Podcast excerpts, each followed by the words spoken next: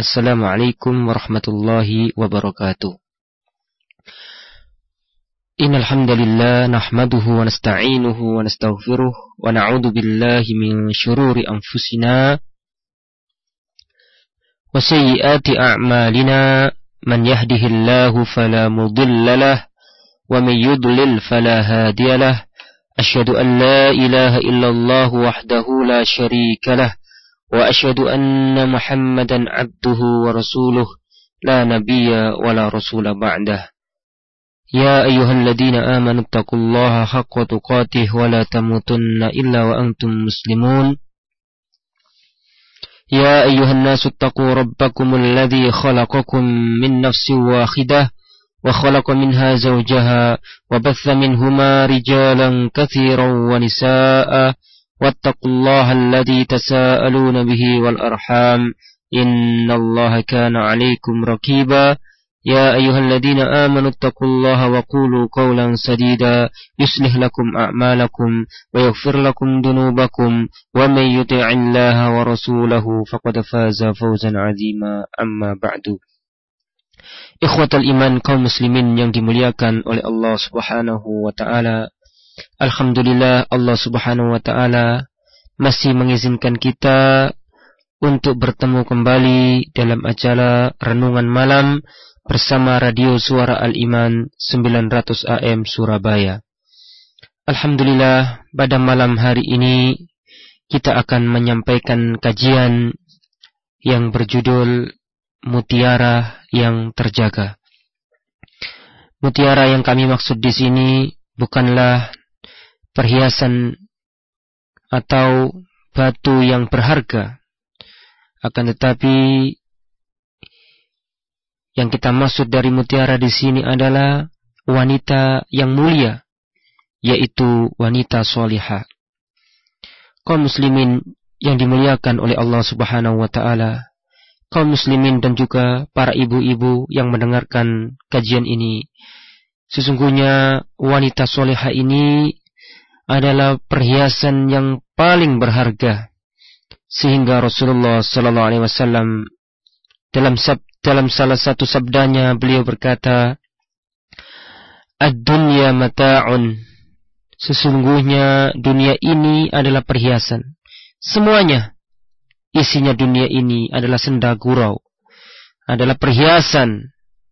Wa khairu mata'iha al-mar'atu salihatu.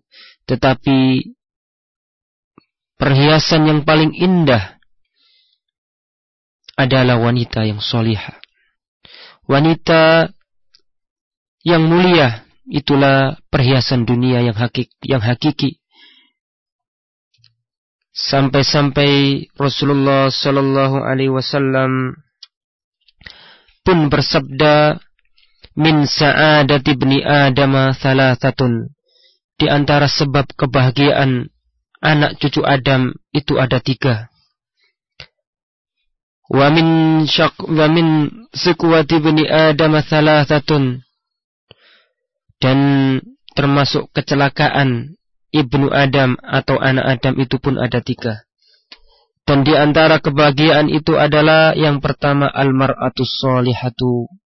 Wanita yang soleha.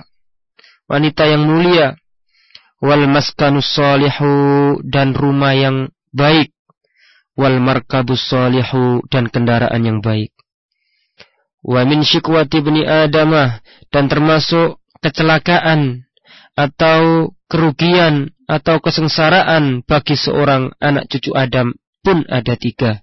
Yang pertama adalah al-mar'atus su'u, wanita yang jelek, wanita yang jahat, wal maskanus su'u dan rumah yang tidak baik wal markabus su'u dan kendaraan yang tidak baik pula inilah Rasulullah menggambarkan bahwa wanita solihah adalah sebaik-baik perhiasan dunia.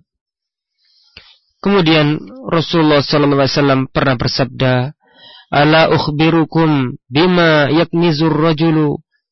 Maukah kalian saya tunjukkan suatu hal yang bisa dijadikan perbendaraan bagi kaum laki-laki.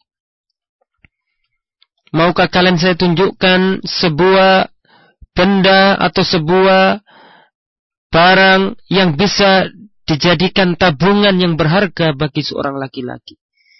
Maka Rasulullah mengatakan, Al-mar'atu salihatu, seorang wanita yang salihah.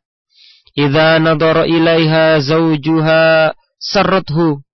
Apabila sang suami melihat dirinya, maka dia akan menyejukkan pandangan suaminya. Wa idza amaroha atau athu dan apabila sang suami memerintahkannya, meminta tolong kepadanya, maka dia menaatinya. Wa idza haba anha hafidhathu.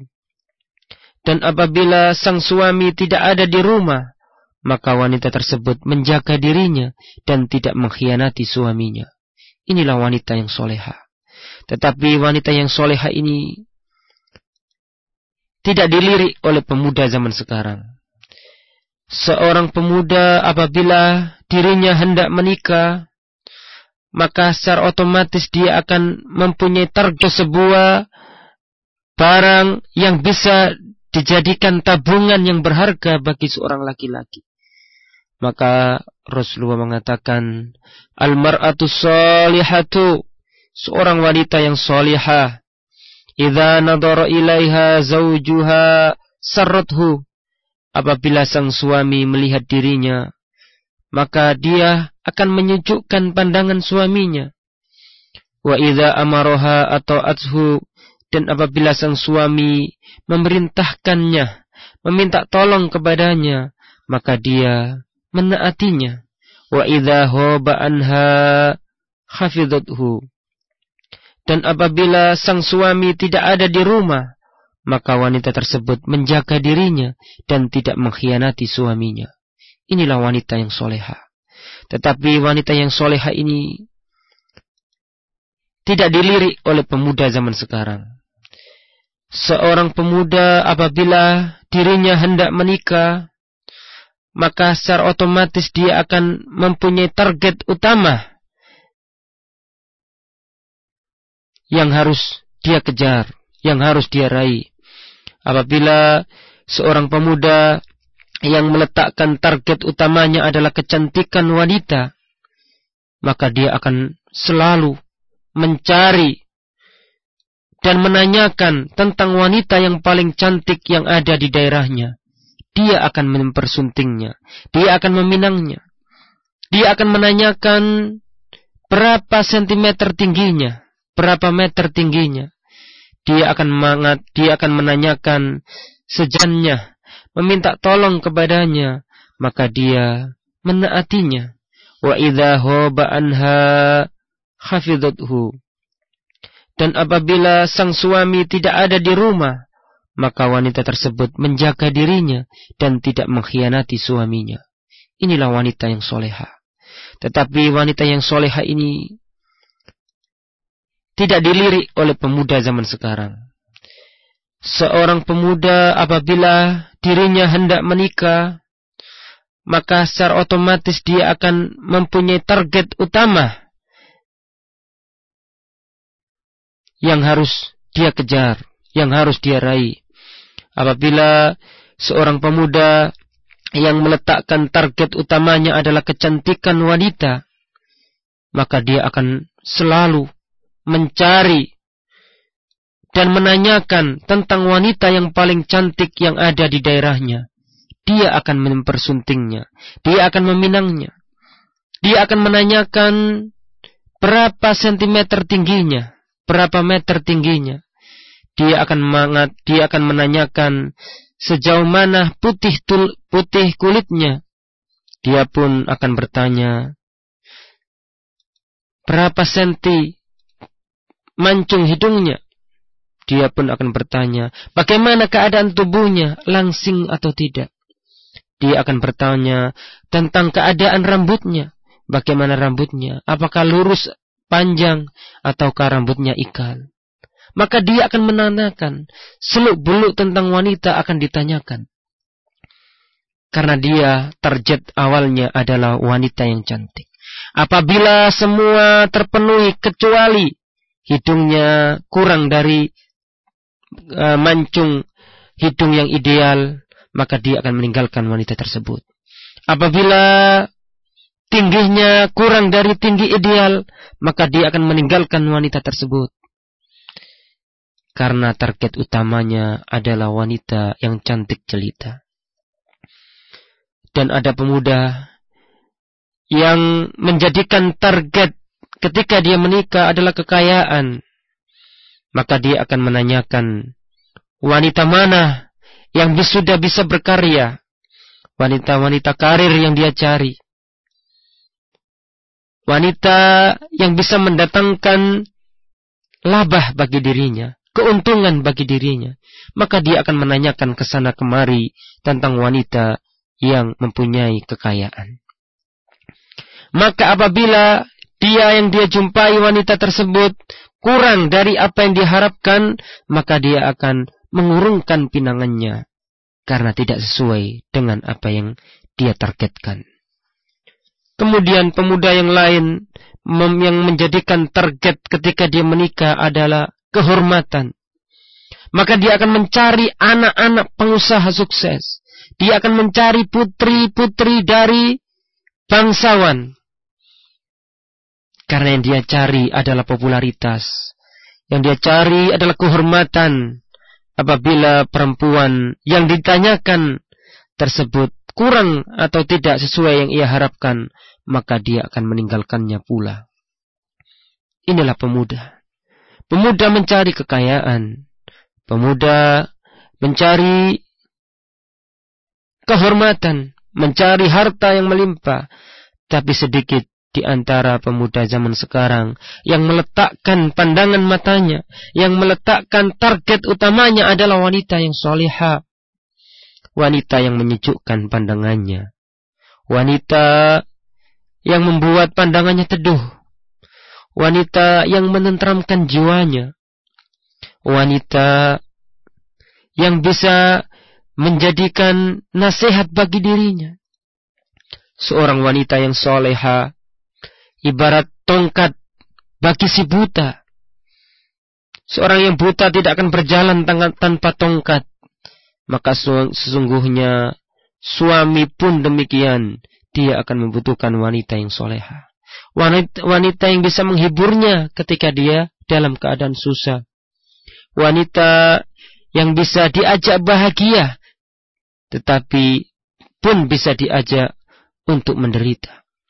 Seorang wanita soleha akan tersenyum apabila sang suami dalam keadaan gembira wanita soleha akan menangis apabila sang suami dalam kesusahan. Air matanya semakin bercucuran ketika dia melihat bahwa suaminya terluka. Itulah wanita soleha. Maka benarlah apa yang disabdakan oleh Rasulullah Sallallahu Alaihi Wasallam. Tungkahul mar'atu li arba'in. Sesungguhnya wanita itu dinikahi karena empat hal. Yang pertama adalah lima liha karena hartanya. Atau yang kedua, lihasabiha karena nasab dan kehormatannya. Atau yang ketiga, lijamaliha karena kecantikannya. Tetapi yang diperintahkan yang diperintahkan oleh Rasulullah bukanlah ketiga-tiganya. Tetapi yang dikatakan oleh Rasulullah adalah fatfar bidzatid din. Carilah wanita yang mempunyai agama. Wanita yang berbakti kepada ibu dan bapaknya. Wanita yang mentaati suaminya. Wanita yang bisa mendidik anak-anaknya. Wanita yang menutup auratnya. Wanita yang membuat tentram hati sang suami. Sang suami tidak dibikin cemburu. Sang suami merasa bahwa istrinya adalah hanya miliknya sang suami tidak merasa disaingi oleh lelaki yang mana pun. Itulah wanita soleha. Wanita soleha yang diharapkan oleh oleh semua kaum laki-laki. Fatfar bidhatid din taribat yadak. Pilihlah yang mempunyai agama, maka engkau akan beruntung. Anda akan beruntung. Ikhwatal iman, maka saya katakan kepada kita sebagai seorang laki-laki Berdoalah dan berusahalah untuk menjadikan istri-istri Anda adalah wanita-wanita yang solehah. Bagaimana caranya? Tentunya kita harus mensolehkan diri kita. Kita tidak akan bisa menjadikan istri kita menjadi istri yang soleha. Kalau kita sebagai seorang suami tidak bisa menjadi suami yang soleh. Suami yang baik. Suami yang memperhatikan istrinya. Dan saya berharap kepada saudari-saudariku ibu-ibu, jadilah wanita yang soleha. Sesungguhnya wanita yang soleha, pahalanya adalah surga. Ayyuma mru'atin matat wa zawjuha radin anha dakhalal jannah. Sungguhnya seorang wanita, apabila wanita tersebut meninggal dunia dalam keadaan suaminya ridho kepadanya, maka sungguhnya wanita tersebut akan masuk surga. Maka wahai para wanita, raihlah dan berlomba-lombalah untuk mencari ridho dari suami-suami Anda. Karena dengan keridhaan suami, Anda akan masuk surga. Ikhwatal iman kaum muslimin yang dimuliakan oleh Allah subhanahu wa ta'ala. Kemudian barangkali kajian di sini sedikit akan kami paparkan bagaimana ciri-ciri wanita yang soleha atau keuntungan apa saja yang bisa kita petik dari memperistri wanita yang soleha. Yang pertama, keuntungan kita ketika kita menikahi wanita yang soleha adalah kita akan mentaati perintah Nabi. Itu adalah fadilah mencari wanita yang soleha. Fadilah yang pertama adalah kita mentaati perintah Nabi Muhammad Sallallahu Alaihi Wasallam kita menjalankan ajaran dan sunnah Rasulullah. Karena Rasulullah mengatakan, Alaika din taribat yadaka. Pilihlah olehmu agama wanita. Wanita yang mempunyai agama. Maka engkau akan beruntung. Maka barang siapa di antara kita yang memilih wanita soleha, berarti kita mengamalkan sabda Rasulullah. Kemudian dengan menikah apalagi wanita yang soleha, maka kita akan menjauhkan prasangka orang bahwa diri kita adalah orang yang lemah, lemah sahwat. Karena sahabat Umar pernah berkata, tidak ada yang terhalang untuk menikah kecuali orang yang lemah atau orang yang fajir. Orang yang fajir enggan menikah karena dirinya bisa bisa merasakan kenikmatan tanpa harus menikah. Ibnu Mas'ud radhiyallahu anhu pernah berkata pula, seandainya umurku tidak tersisa lagi kecuali sepuluh hari, maka aku sangat ingin menikah, agar aku tidak menghadap Allah dalam keadaan membujang. Kemudian di antara faedah apabila kita memperoleh istri yang solihah adalah kita akan mempunyai keturunan yang baik. Dengan memilih istri yang soleha, kita akan mempunyai benih. Kita akan menaruh benih kita pada ladang yang subur. Ladang yang sangat baik. Ladang yang mulia. Karena sungguhnya tanah, apabila tanah itu tanah yang baik, akan melahirkan tumbuhan yang baik pula. Maka jadikanlah istri-istri kita adalah ladang kita untuk bertanam kita tanam benih kita pada istri-istri kita, maka pilihlah istri yang baik, istri yang soleha, karena istri yang soleha ini akan mempunyai keturunan yang baik, keturunan yang soleh, yang mana Rasulullah Sallallahu Alaihi Wasallam mengatakan, "Idza mata ibnu Adam in amaluhu illa min thalas." Sungguhnya apabila anak Adam itu meninggal dunia, maka terputuslah amalannya kecuali tiga hal. Sodakotin jariyatin, sodako jariyah. Au ilmin yuntafa'u bihi, atau ilmu yang bermanfaat. Au waladin solihin yad'ulahu, atau anak yang soleh, yang bisa mendoakan kepadanya. Dan kita tidak mungkin mempunyai anak yang soleh, kalau kita memilih wanita yang salah. Maka pilihlah Istri an, pilihlah istri yang soleha. Kalau kita belum jadi orang soleh dan istri kita pun belum menjadi wanita yang soleha, maka mulai hari ini, marilah kita berusaha supaya diri kita menjadi suami yang soleh dan dan dengan kesolehan diri kita semoga istri kita menjadi istri yang solihah. Kemudian dengan menikahi istri yang solehah, maka setiap jeripaya kita adalah ibadah kita memberikan makanan kepada kita memberikan makanan kepada istri yang soleha, maka akan diberi pahala oleh Allah Subhanahu wa taala. Apa yang kita gunakan, keringat kita yang tertumpah. Apabila itu untuk istri kita dan anak kita, maka itu adalah pahala yang melimpah. Kita bekerja dengan keringat yang membahasai tubuh kita. Kemudian kita pulang ke rumah, disambut seorang istri yang soleha, yang tersenyum ketika melihat kita pulang dari kerja. Kemudian istri yang soleha tersebut mengusap kening kita, mencium tangan kita, mencium kening kita. Kemudian istri yang soleha itu akan mengucapkan kepada suaminya, Wahai suamiku, aku berterima kasih atas nikmat yang kau berikan kepadaku. Itulah untungnya kita memperoleh istri yang solihah. Istri yang mensyukuri kebaikan kita.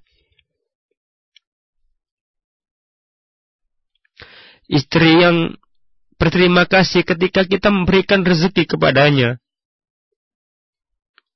Ikhwatal iman. Maka raihlah wanita tersebut. Wanita yang solihah. Wanita yang menghargai jeripaya kita.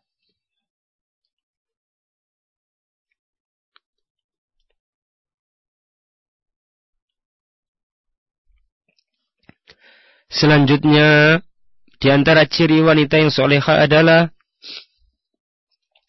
istri soleha akan mendoakan suaminya ketika sholat, ketika dalam keadaan berdiri maupun dalam keadaan duduk. Seorang wanita soleha akan mengucapkan terima kasih kepada suaminya.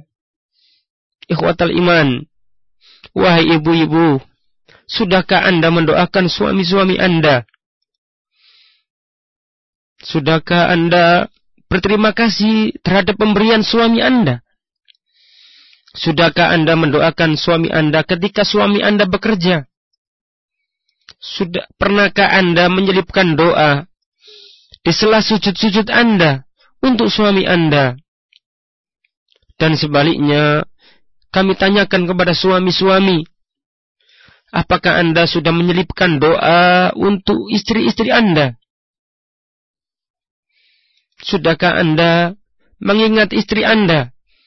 Ketika Anda bekerja di luar, apakah Anda memperhatikan bagaimana istriku sekarang? Bagaimana ceripayanya dia mengurus anak-anak?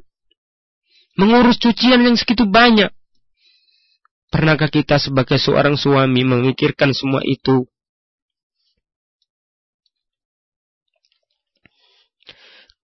Rasulullah Sallallahu Alaihi Wasallam mengatakan Nisa'u Quraisyin khairu nisa.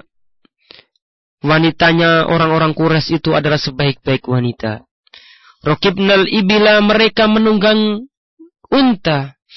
Ahnahu ala waladin mereka sangat menyayangi anak-anak mereka. Visi horihi ketika anak-anaknya masih dalam keadaan balita. Mereka menyayangi mereka. Wa ar'ahu ala zaujin dan wanita yang soleha memperhatikan suami-suaminya.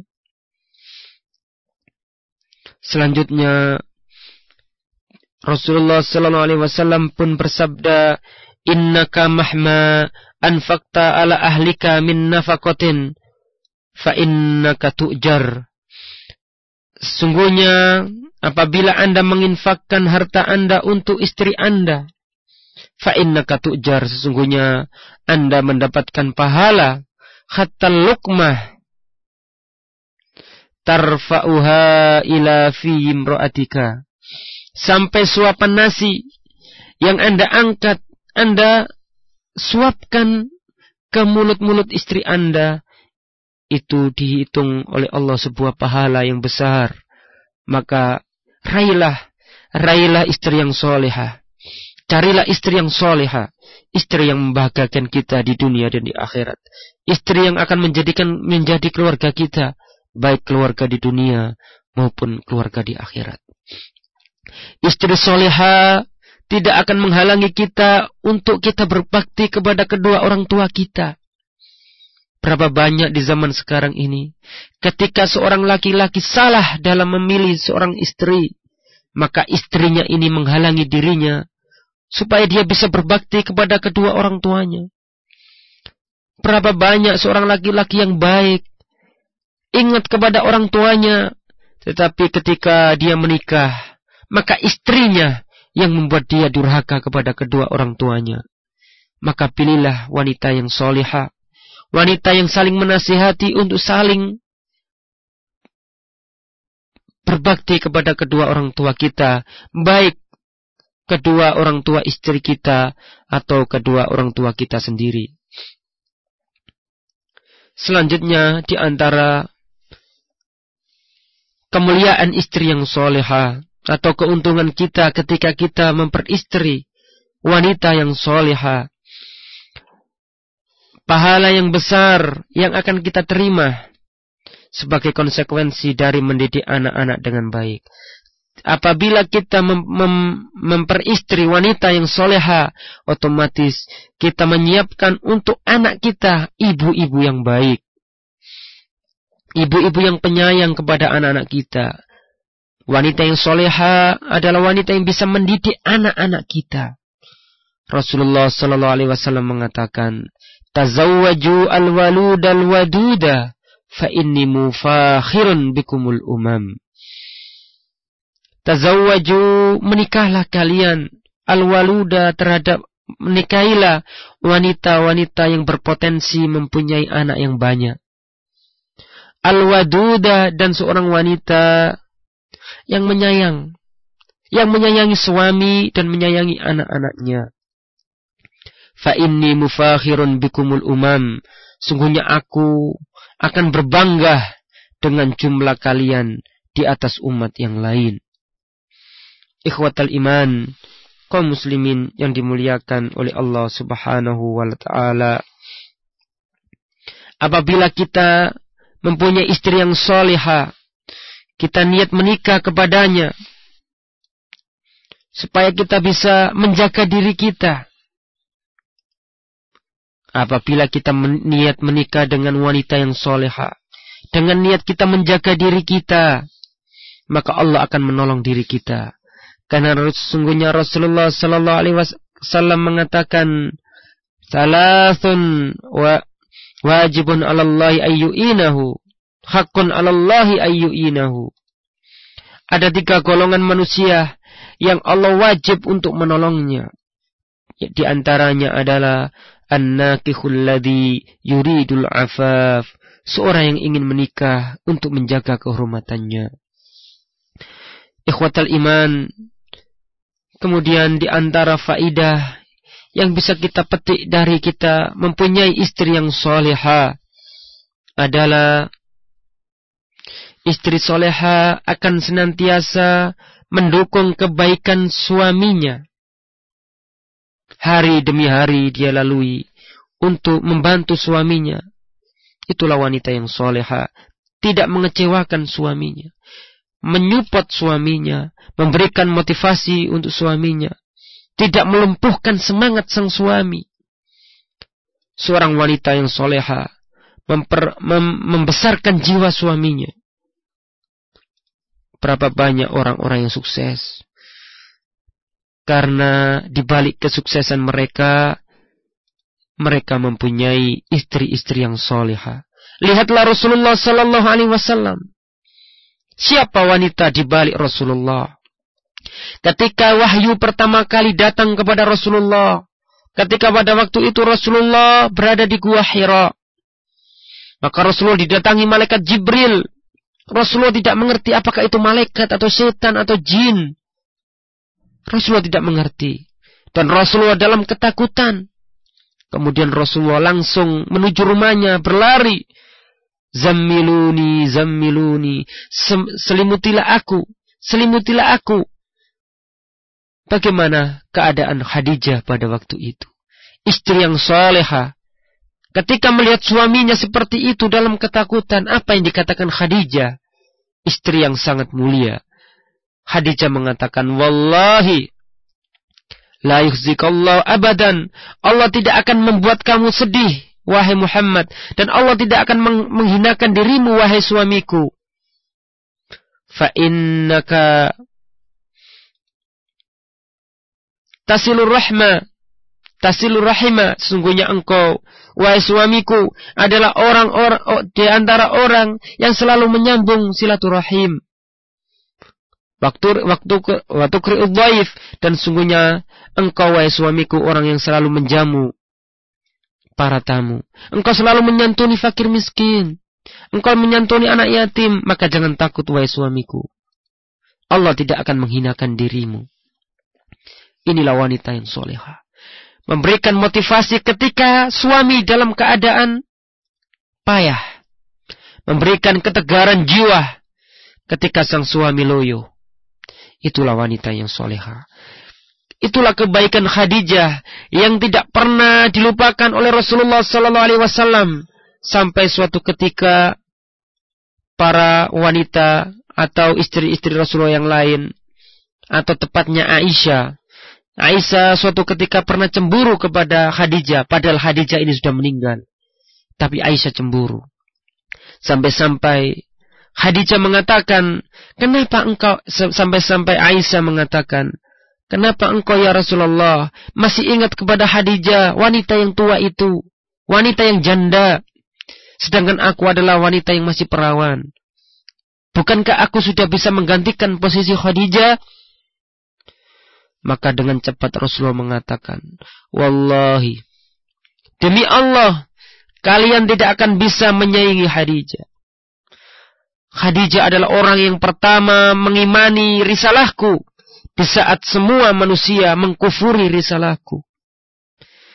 Khadijah adalah orang yang memberikan sodakoh. Khadijah adalah orang yang menginfakkan hartanya di jalanku. Di saat pada waktu itu manusia pelit kepadaku. Khadijah adalah wanita yang darinya aku memperoleh anak keturunan. Dan selain Khadijah, aku tidak memperoleh anak keturunan. Itulah wanita yang soleha. Wanita yang soleha tidak akan dilupakan kebaikannya oleh suami-suami mereka. Ikhwatal iman, kaum muslimin, jadilah wanita yang soleha, dan ibu-ibu jadilah wanita, bapak-bapak jadilah seorang suami yang soleh, dan ibu-ibu jadilah seorang wanita yang soleha ikhwatal iman. Selanjutnya di antara hal lain yang sangat membanggakan kita ketika kita mempunyai istri yang soleha adalah sesungguhnya menikah dengan wanita yang soleha akan mendukung kita untuk melakukan ketaatan dan memudahkan kita untuk menekuni ibadah. Itulah istri yang soleha. Istri yang membantu suaminya, suaminya untuk taat kepada Allah. Berikut ini akan saya bacakan sebuah gambaran yang sangat indah yang pernah keluar dari lisan Rasulullah untuk menggambarkan bagaimana rumah tangga yang sangat-sangat indah. Rasulullah mengatakan, Rahimallahu rajulan qama minal laili fasalla wa aikadha imra'atahu fasallat. Semoga Allah Subhanahu wa taala menyayangi seorang laki-laki yang dia bangun di tengah malam kemudian melaksanakan sholat. Wa ro'atahu kemudian dia membangunkan istrinya dan sang istri menyambut ajakan suaminya. Fasolat kemudian sang istri pun melaksanakan sholat. Fa'in abad nadhu hafiz wajhihal ma'a dan apabila sang istri enggan untuk bangun maka sang suami memercikkan air di muka sang istri. Warahimallahi imra'atan. Dan semoga Allah mengasihi seorang wanita. Qamat yang mana wanita yang soleha ini berdiri di tengah malam untuk melaksanakan sholat. Wa iqadat zaujaha dan wanita yang soleha ini membangunkan sang suami. Fasolla dan suami yang soleh ini bangun menyambut ajakan sang istri. Masya Allah. Adakah keindahan melebihi keindahan di dunia ini yang kita dianugerahi oleh Allah memiliki istri yang solehah dan kita dikaruniai, dikaruniai, dikaruniai suami yang soleh. Adakah keindahan di dunia ini melebihi keindahan kita apabila dipertemukan dengan wanita yang soleh dan bagi wanita dia dipertemukan dengan seorang pemuda yang soleh. Adakah keindahan melebihi keindahan ini? Marilah kita layangkan pandangan kita bagaimana saling pengertian dan kehormat dan keharmonisan kehidupan rumah tangga di antara para sahabat Nabi. Marilah kita lihat bagaimana kisah sahabat Nabi Muhammad sallallahu alaihi wasallam yang bernama Abu Darda. Abu Darda mempunyai istri yang bernama Umur Darda. Abu Darda berkata kepada kepada istrinya, "Wahai istriku, jika aku marah, maka usahakanlah agar aku segera ridho. Dan jika engkau sedang marah, maka aku akan usahakan agar engkau segera ridho. Jika tidak demikian, wahai istriku, alangkah cepatnya perpisahan di antara kita. Masya Allah, ini adalah ini adalah obat yang sangat baik, obat yang sangat mujarab, yang harus diberikan ke rumah tangga kaum muslimin. Hendaklah semboyan Abu Darda ini kita terapkan di rumah tangga kita. Seorang suami akan mengatakan kepada istrinya, Wahai istriku, jika aku dalam keadaan marah, maka usahakanlah, berusahalah agar aku segera ridho kepadamu. Dan jika engkau marah kepadaku, wahai istriku, aku akan berusaha secepat mungkin supaya engkau ridho kepadaku. Jika tidak demikian, wahai istriku, alangkah cepatnya perpisahan di antara kita. Ikhwatal iman. Semoga Allah subhanahu wa ta'ala memberikan rezeki kepada kita seorang istri yang soleha. Dan bagi seorang istri, semoga Allah subhanahu wa ta'ala menganugerahi anda seorang suami yang soleha. Ikhwatal iman, kaum muslimin yang dimuliakan oleh Allah Subhanahu wa taala.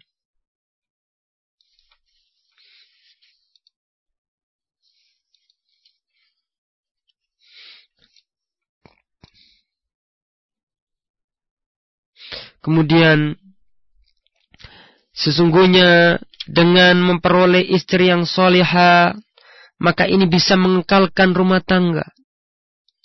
Rumah tangga akan jauh dari pertengkaran dan percecokan karena sang istri yang soleha memiliki akal dan memiliki agama. Seorang istri yang soleha menggunakan akalnya, dia berbuat dengan sesuatu yang diridhoi oleh suaminya. Seorang istri yang soleha tidak suka mengacaukan pikiran suaminya.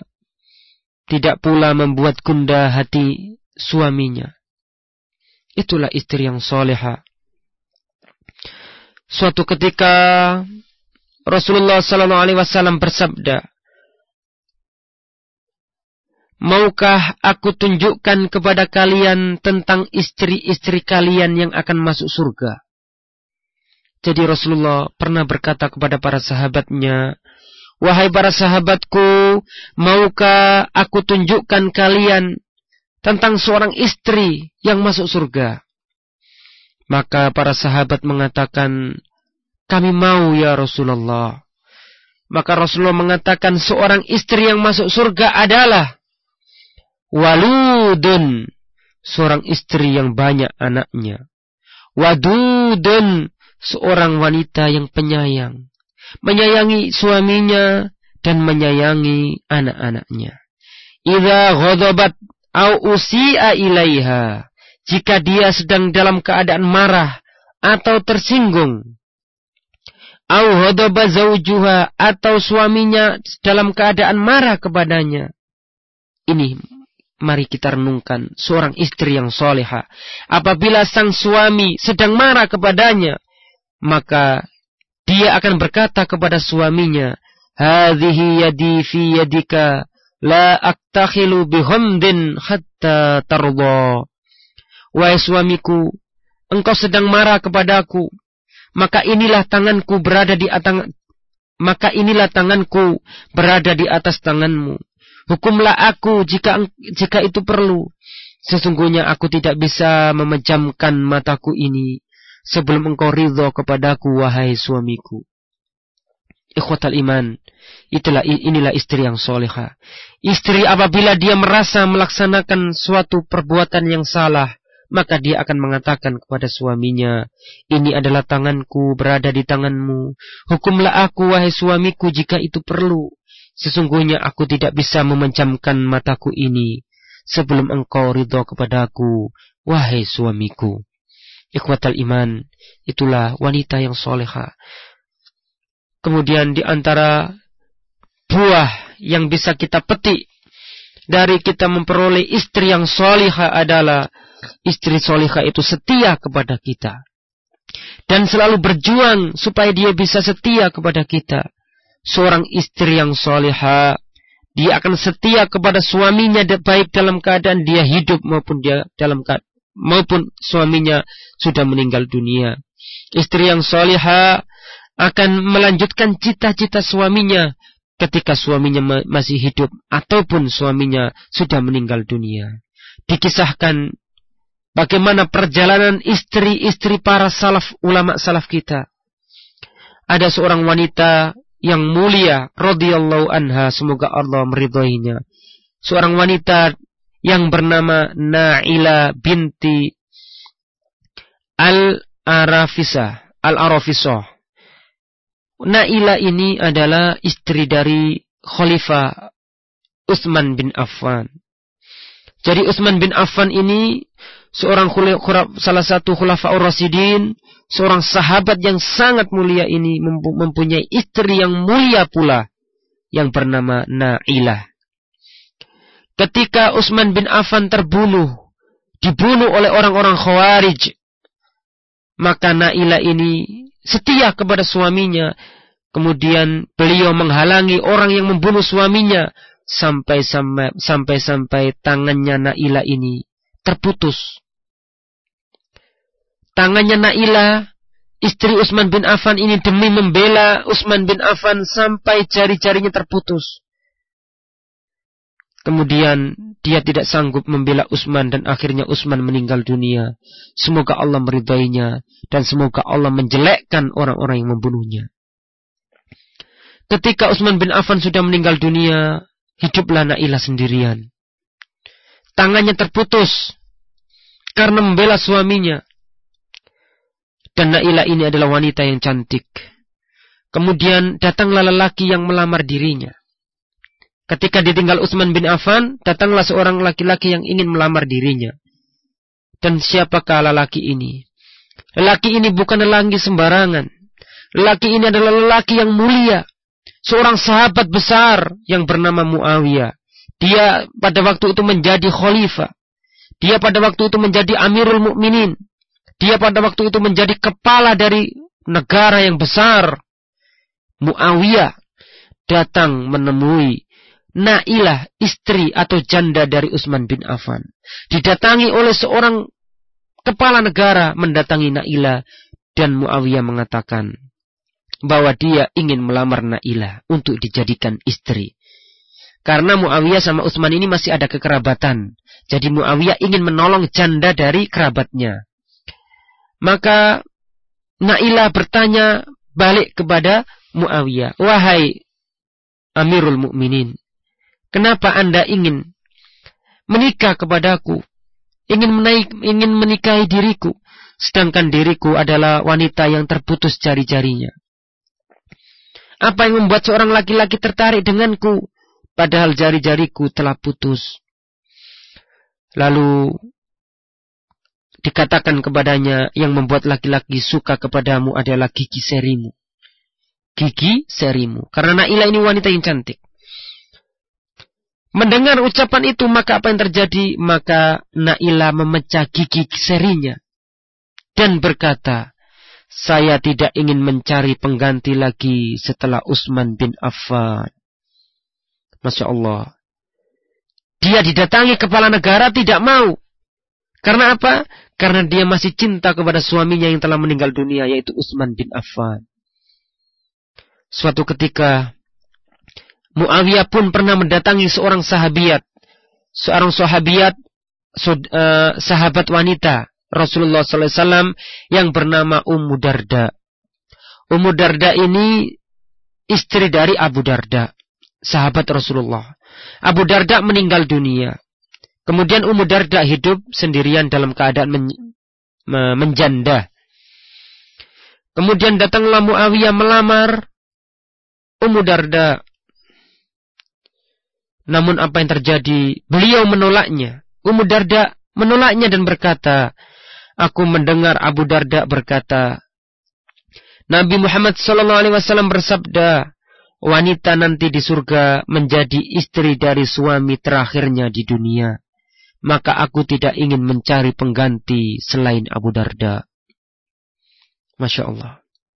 Kecintaan kepada suaminya menghalangi dirinya untuk menikah lagi. Kemudian dikata, dikisahkan pula ada seorang kita tahu dalam sejarah ada Umar bin Abdul Aziz, seorang khalifah yang sangat mulia.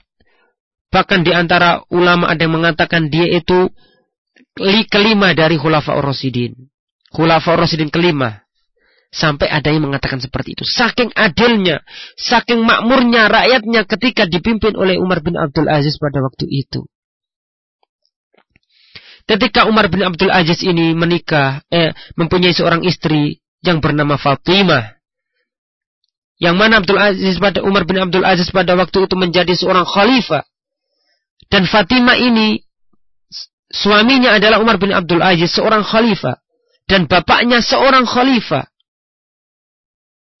Dan saudara-saudaranya juga seorang khalifah, seorang raja. Jadi dia jadi yang uh, Fatimah ini adalah bangsawan atau e, keluarga dari bangsawan karena suaminya adalah seorang penguasa atau seorang khalifah dan ayahnya dahulu pun seorang khalifah.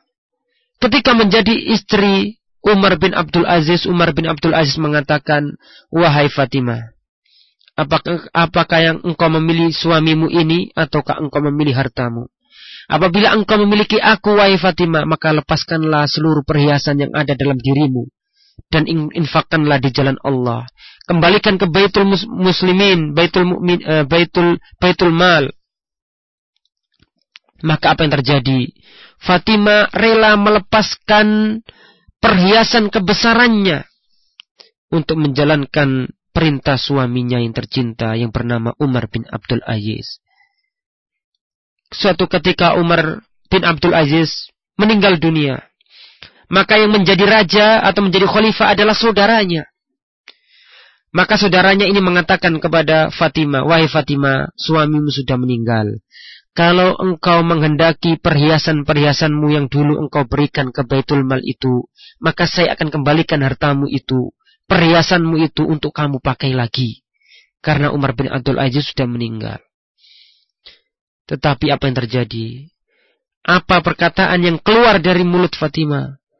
Fatimah mengatakan, Aku tidak ingin menaati suamiku di saat dia hidup. Namun aku mendurakainya setelah dia wafat. Saya tidak mau. Saya ingin menaati suamiku ketika dia masih hidup. Dan juga ketika dia sudah meninggal dunia. Inilah istri yang soleha. Istri yang memegang nasihat kita. Baik kita berada di rumah atau kita di luar rumah. Istri yang soleha adalah perbendaraan yang tidak akan pernah habis. Ikhwatal iman, maka hendaklah kita menjadikan istri-istri kita istri yang soleha, istri yang bisa mendatangkan keberkahan dari hidup kita. Dan sebaliknya seorang wanita berusahalah untuk menjadikan suami-suami anda menjadi suami yang soleh. Suami yang soleh. Suami yang bisa menenteramkan hati istrinya. Seorang suami yang mengerti kewajiban dan hak istrinya. Seorang suami yang tidak merasa dirinya yang paling capek. Tapi seorang suami yang mengerti bahwa seorang bahwa istri tugasnya sangat berat. Di depan istri ada anak-anak, ada pekerjaan rumah tangga yang itu sangat menyita waktu. Dan janganlah seorang wanita merasa sedikit amalannya, tidak seperti laki-laki. Jangan, karena amal Anda ada di rumah Anda. Jangan mengira bahwa pekerjaan rumah tangga itu bukan ibadah, wahai wanita-wanita kaum muslimin. Sesungguhnya pekerjaan rumah tangga itu adalah ibadah selama kita niatkan ikhlas. Selama kita niatkan ibadah kepada Allah, maka itu dianggap ibadah oleh Allah Subhanahu wa taala. Karena ibadah adalah ismun jami'un likulli ma yuhibbuhullah wa yarda minal aqwali wal af'ali adh-dhahirati wal batinati. Yang dikatakan ibadah adalah segala sesuatu yang bisa mendatangkan keridhaan Allah baik dari perkataan maupun perbuatan, baik yang nampak maupun yang tidak nampak, baik yang lahir maupun yang batin. Semua itu kalau kita niatkan ibadah, maka kita akan memperoleh pahala. Kemudian seorang wanita yang soleha adalah seorang wanita yang gemar untuk tinggal di rumahnya, tidak suka keluyuran. Karena Rasulullah, karena Allah Subhanahu Wa Taala mengatakan dalam surat Al-Ahzab Ayat yang ke-33, Waqarna fi buyutikunna. Dan hendaklah kamu, wahai wanita-wanita, tetap di rumahmu, tidak keluar rumah. Ikhwatal iman, seorang istri yang soleha, istri yang soleha tidak suka melirik apa saja yang dimiliki orang lain, tidak suka membanding-bandingkan keadaan suami dengan suami orang lain. Seorang wanita soleha, ia puas dengan keadaan dirinya dan ridho atas pembagian Allah yang diberikan kepadanya. Seorang wanita soleha berterima kasih kepada pemberian suami meskipun sedikit. Wanita soleha ibarat tanah bagi benih yang baik bagi suaminya. Ikhwatal iman. Jika suatu ketika musibah kematian mendatangi suami kita, bagi seorang wanita yang soleha apabila dia ditinggal suami-suami mereka. Maka mereka wanita yang soleha apabila sang suami lebih dahulu dipanggil oleh Allah. Maka suami, maka istri yang soleha adalah istri yang mengangkatkan tangannya di malam hari dan berdoa kepada Allah. Mendoakan suaminya seraya berkata, Allahumma firlahu warhamhu wa'afihi anhu. Ya Allah, Berilah belas kasihanmu kepada suamiku. Ampunilah dosanya ya Allah. Dan lapangkanlah kuburannya ya Allah. Itulah istri yang soleha. Istri yang tidak hanya membahagiakan kita ketika kita masih hidup. Tetapi istri yang soleha adalah istri yang membahagiakan kita. Meskipun kita ketinggal meninggal dunia. Kita masih mendapatkan kiriman doa dari istri yang soleha. Maka berusahalah kita untuk mempunyai istri yang soleha. Dan kalaupun kita belum memilikinya, berusahalah semaksimal mungkin. Solehkan diri kita. Supaya istri kita menjadi istri yang soleha. Istri kita tidak akan menjadi istri yang soleha selama kita tidak merubah diri kita. Maka aslih nafsaka. Bagusilah dirimu maka istrimu akan menjadi baik. Barangkali inilah sedikit renungan bagi kita kaum laki-laki dan kaum perempuan untuk memperbagusi rumah tangga kita, untuk menjaga keharmonisan di antara rumah tangga kita. Demikianlah apa yang dapat saya sampaikan. Kurang lebihnya saya mohon maaf yang sebesar-besarnya. Wa akhiru da'wana wa sallallahu ala nabiyyina Muhammad wa ala alihi wa sahbihi ajma'in. Wa akhiru da'wana alhamdulillahi rabbil alamin. Assalamualaikum warahmatullahi wabarakatuh.